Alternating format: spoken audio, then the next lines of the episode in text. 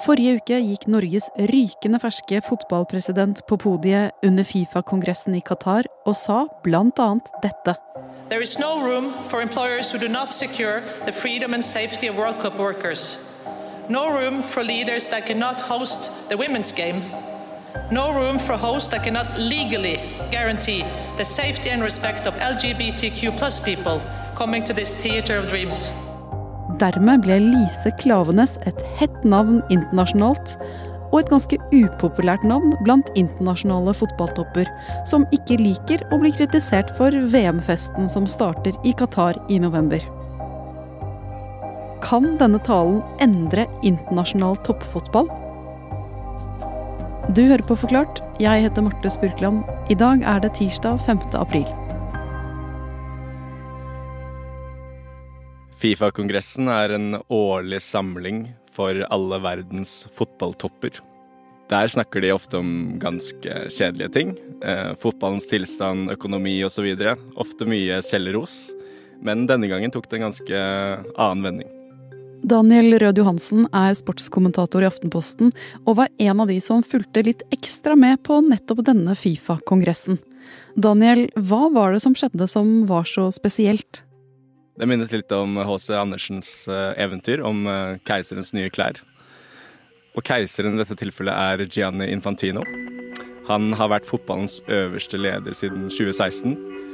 En sveitser jurist med blankpolert skalle og et uh, frodig ordforråd der han uh, i veldig svulstige vendinger snakker om fotballens betydning og Fifas uh, rolle. Og han sto der på scenen og viste stolt frem antrekket sitt. Ja, antrekket. For mens keiseren i eventyret skulle vise folket hvor vakre klær han hadde, er det Fifa-sjefens jobb å vise fram hvor bra Fifa er. Det var egentlig ganske god stemning. Så kom en norsk fotballpresident. Opp på podiet og påpekte det åpenbare. Han har jo ikke klær på. And our members do demand change. They, questions, they question the ethics in sport and insist on transparency. And we must listen. Og dette er det jo mange som har ment, særlig etter at Qatar ble tildelt VM. For dette lille ørkenlandet er ikke noen stor fotballnasjon. Og store deler av året går det ikke an å spille fotball der pga. varmen. Derfor er VM lagt til november og desember.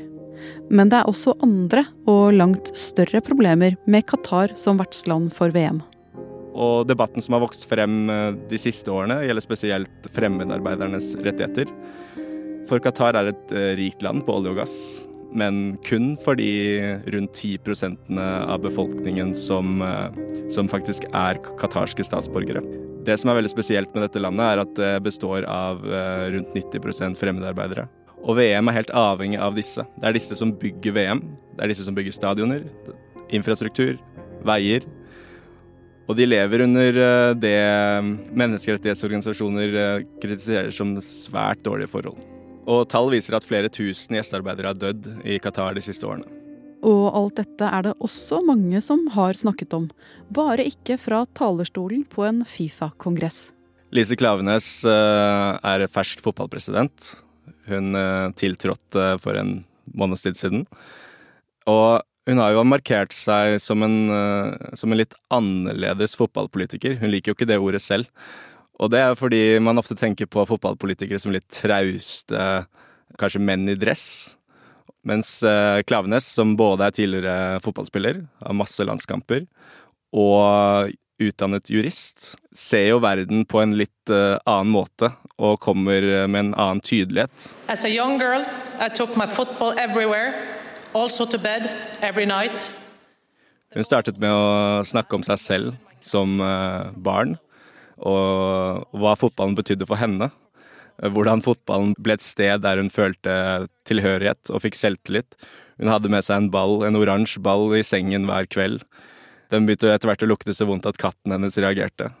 Og det var en veldig fin måte å vise frem um, hva fotball kan bety, da. Ok, og fine barndomsminner, det er jo vel og bra også for Fifa-ledelsen.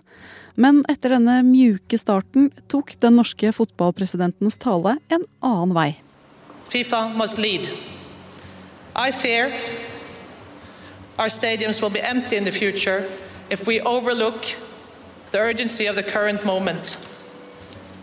And the time to act is now. Lise Klavenes eh, påpekte flere ting som ja, for oss i Norge kanskje er åpenbare.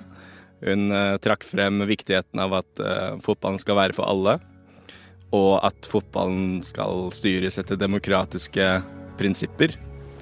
In 2010, World Cups were awarded by FIFA in unacceptable ways with unacceptable consequences. Hun uh, sa også at uh, VM til Qatar ble tildelt på en uakseptabel måte, og at Fifa må ta et større ansvar for å lede fotballen på en god måte. Da. FIFA, all of us must do what we are tasked to do, to lead. FIFA must set the tone and lead. Og etter at hun var på scenen i Doha, ble stemningen en ganske annen enn den vanligvis er. Etter at Klavenes hadde talt ferdig, var motstemmene raskt på banen. Honduras sin generalsekretær og Qatars VM-sjef mente at Klavenes hadde valgt feil sted og tid for å fremføre dette budskapet. Og Fifa-sjefen sjøl gikk på talerstolen og satte i gang en film på storskjerm som skulle understreke alle de positive effektene av VM i Qatar. Men det som fikk mest oppmerksomhet etter kongressen, var Klavenes sin tale. Spørsmålet nå er hva den kan, og ikke kan, føre til.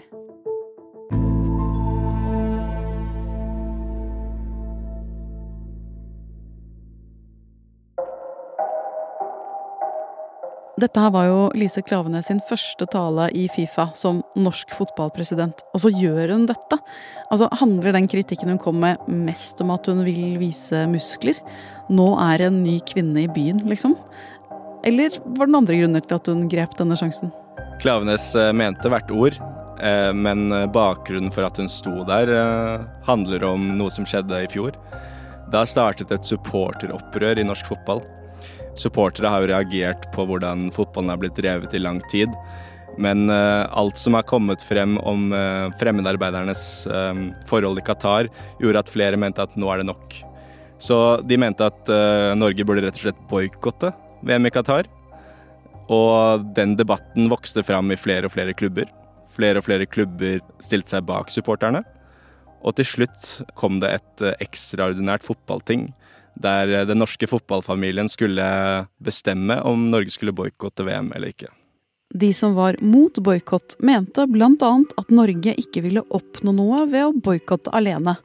Vi er jo ikke verdens største eller beste fotballnasjon, vi heller, så hvor mye ville Fifa bry seg om en boikott fra oss? Mens de som var for, mente at hvis noen bare blir de første som boikotter, vil kanskje andre følge etter, og da kunne Norge lede an. Til slutt landet den norske fotballfamilien på at de ikke ville boikotte. Det som eh, ble vedtatt i stedet, var en rekke tiltak.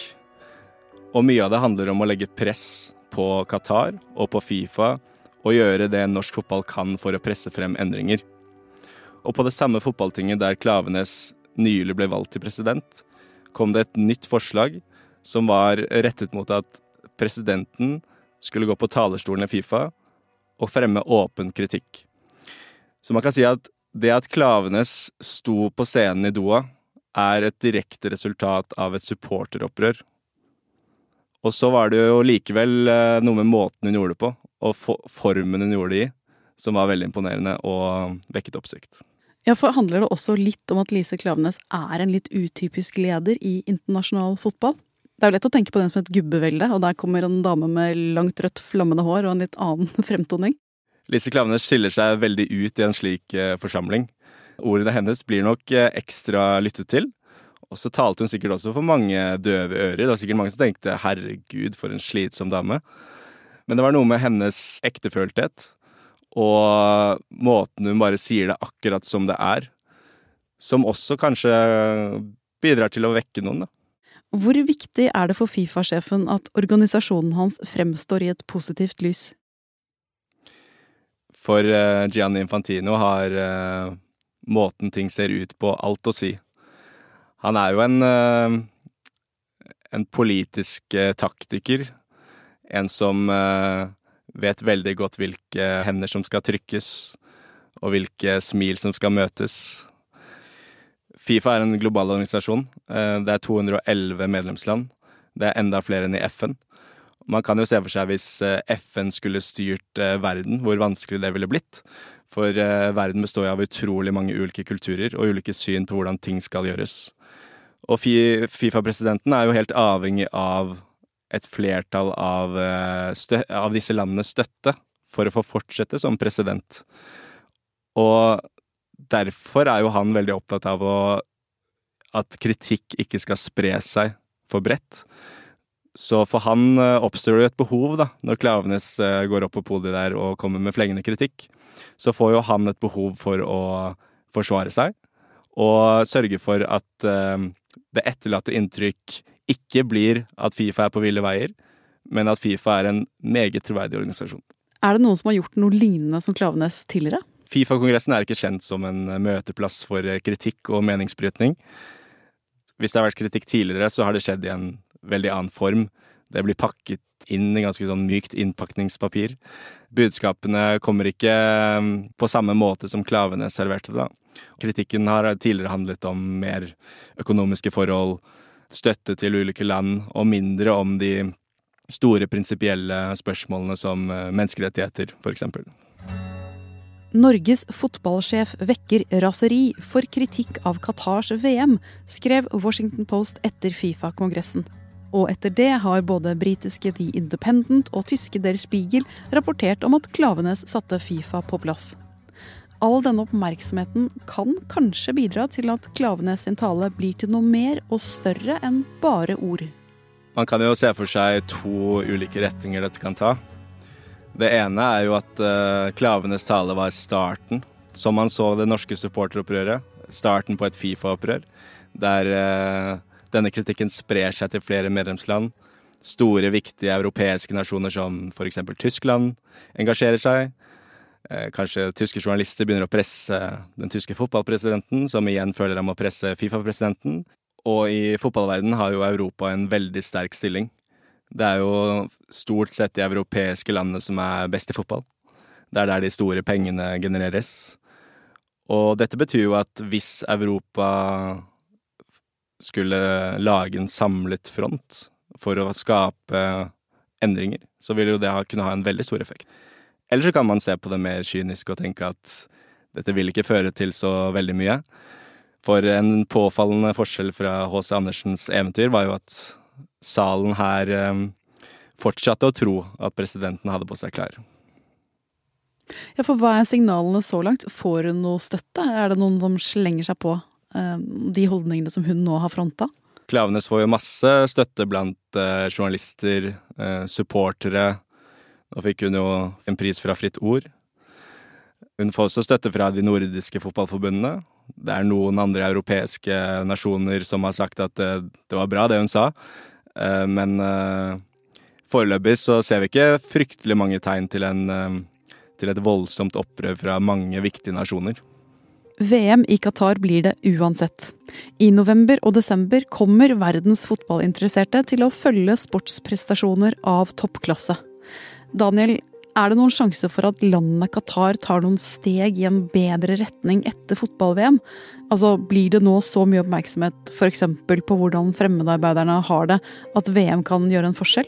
Det er jo eh, det store håpet med dette VM, er jo at det faktisk skal føre til eh, reelle forbedringer for ja, spesielt migrantarbeiderne og f.eks. homofiles rettigheter osv. Man har jo sett at det har skjedd viktige reformer på papiret.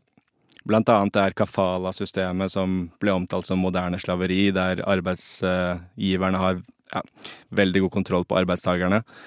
Det har blitt formelt avskaffet. Og det er jo en stor endring. Uh, og Qatar ligger sånn sett langt foran landene rundt seg.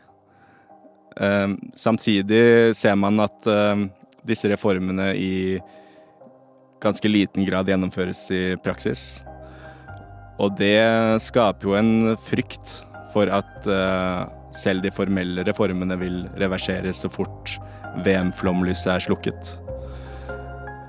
Og Qatar Én ting er presset fra Fifa, men de har jo også et press fra nabolandene om å ikke gå for langt i reformene sine. For det vil kanskje føre til et økt press på dem. Så her er det press fra alle kanter i ulike retninger. Og med tanke på at man ser at disse reformene ikke skjer i så stor grad i praksis, er det jo litt vanskelig å tro på at dette VM skal føre til så fryktelig mye godt. Hva med Lise Klavenes, da, i den internasjonale gutteklubben som fotballtoppledelse er? Kommer de andre til å høre mer eller mindre på henne fremover, tror du? Jeg tror det blir veldig delt uh, hvordan Klavenes blir uh, mottatt uh, fremover. noen synes sikkert hun bare er en plage og et irritasjonsmoment. og det er jo bra at noen er det, for det trenger de. mens andre vil kanskje tenke at dette er forfriskende og dette var eh, på høy tid, og um, dette er noe vi kan stille oss bak. Så man kan jo i en sånn utopisk verden forestille seg eh, at det ikke er Gianni Infantino som står på den scenen som president, men Lise Klavenes, eller en som henne.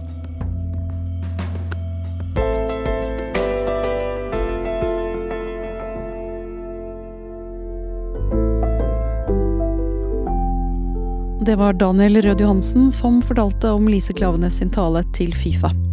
Denne episoden er laget av produsent Fride Næss Nonstad og meg, Marte Spurkland. Resten av redaksjonen er Synne Søhol, Jenny Førland, David Vekoni, Anne Lindholm og Anders Weberg.